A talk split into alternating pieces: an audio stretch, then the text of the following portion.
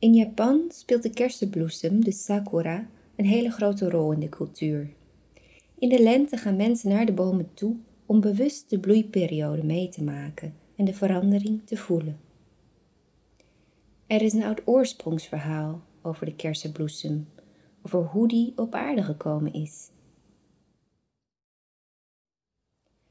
Er was eens een wat ouder echtpaar dat in een klein dorpje woonde, in een huis met een moestuin eromheen.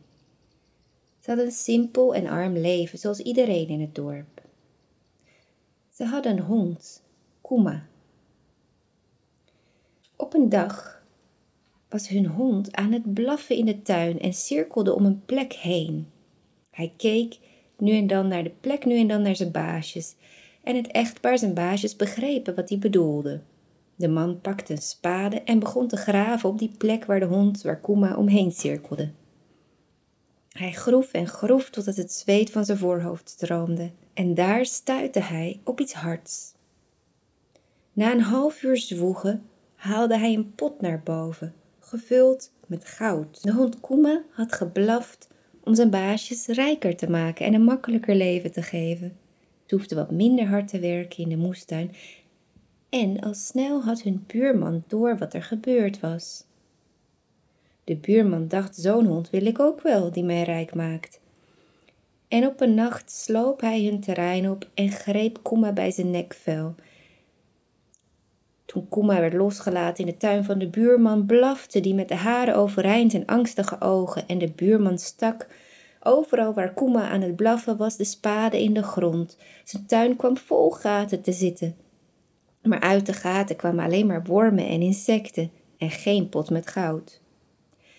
Kuma blafte en blafte, heller en scheller, en de buurman was er gek van. Op een gegeven moment was hij zo boos op Kuma: Waarom geef je mij nou geen pot? En sloeg met de spade op de kop van Kuma.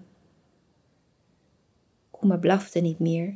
Kuma lag daar, dood op de grond.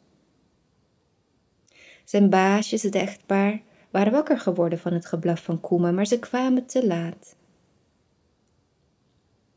Ze zeiden niets, angstig voor de gewelddadige buurman. Maar ze namen Kuma's lijk mee en begroeven hem in de tuin.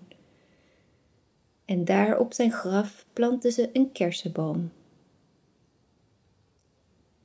Jaren verstreken en de boom groeide groter en spreidde de takken in een prachtige harmonieuze vorm. Op een nacht had de vrouw van het echtpaar een droom waarin Kuma verscheen, haar trouwe hond. Hij stond tegen de boom en likte aan de onderste tak van de kersenboom. Toen de vrouw wakker werd die ochtend, vertelde ze de droom aan haar man. Weet je wat ik denk dat we moeten doen? Wat Kuma ons wilde zeggen? Om die tak van de kersenboom te zagen. En dat is wat ze deden. Van dat hout maakten ze een pot. Een pot om rijstpasta in klaar te maken, mochi. En dit was een bijzondere pot, een speciale pot van de boom van Kuma. Telkens als de vrouw hierin mochi maakte, veranderde die in goud. Het geschenk van Kuma ging door. En ook dit keer had de buurman in de gaten wat er aan de hand was. En hij dacht, die pot kan ik toch wel even lenen, zonder dat ze het in de gaten hebben. Hij pakte de mochi-pot op een nacht, maakte de mochi erin, maar zijn mochi veranderde niet in goud en had helemaal geen trek in mochi. Hij werd boos op de pot, op het hout van Kuma's boom en hij verbrandde de pot. Maar de as van de verbrande pot werd meegenomen door de wind en zodra die de kersenboom bereikte, veranderde de as in de bloesems op de boom. Dat was de eerste keer dat de kersenboom bloeide en sakura kersenbloesem had. Van de as van Kuma's pot. En het nieuws verspreidde zich. Die bloesems waren zo mooi voor het eerst in de wereld te zien, dat iedereen erheen trok om ze te bewonderen.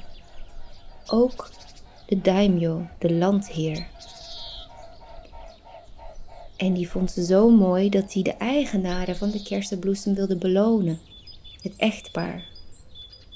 Maar zodra de buurman dat in de gaten had, kwam hij met de borst naar voren aangelopen en zei: Ik ben eigenlijk degene die deze kersenbloesem heeft gemaakt, want ik heb de pot verbrand waar de as van was, die de kersenbloesem gevormd heeft. Maar de daimyo doorzag het karakter van de buurman en stopte hem in gevangenis en beloonde het echtpaar.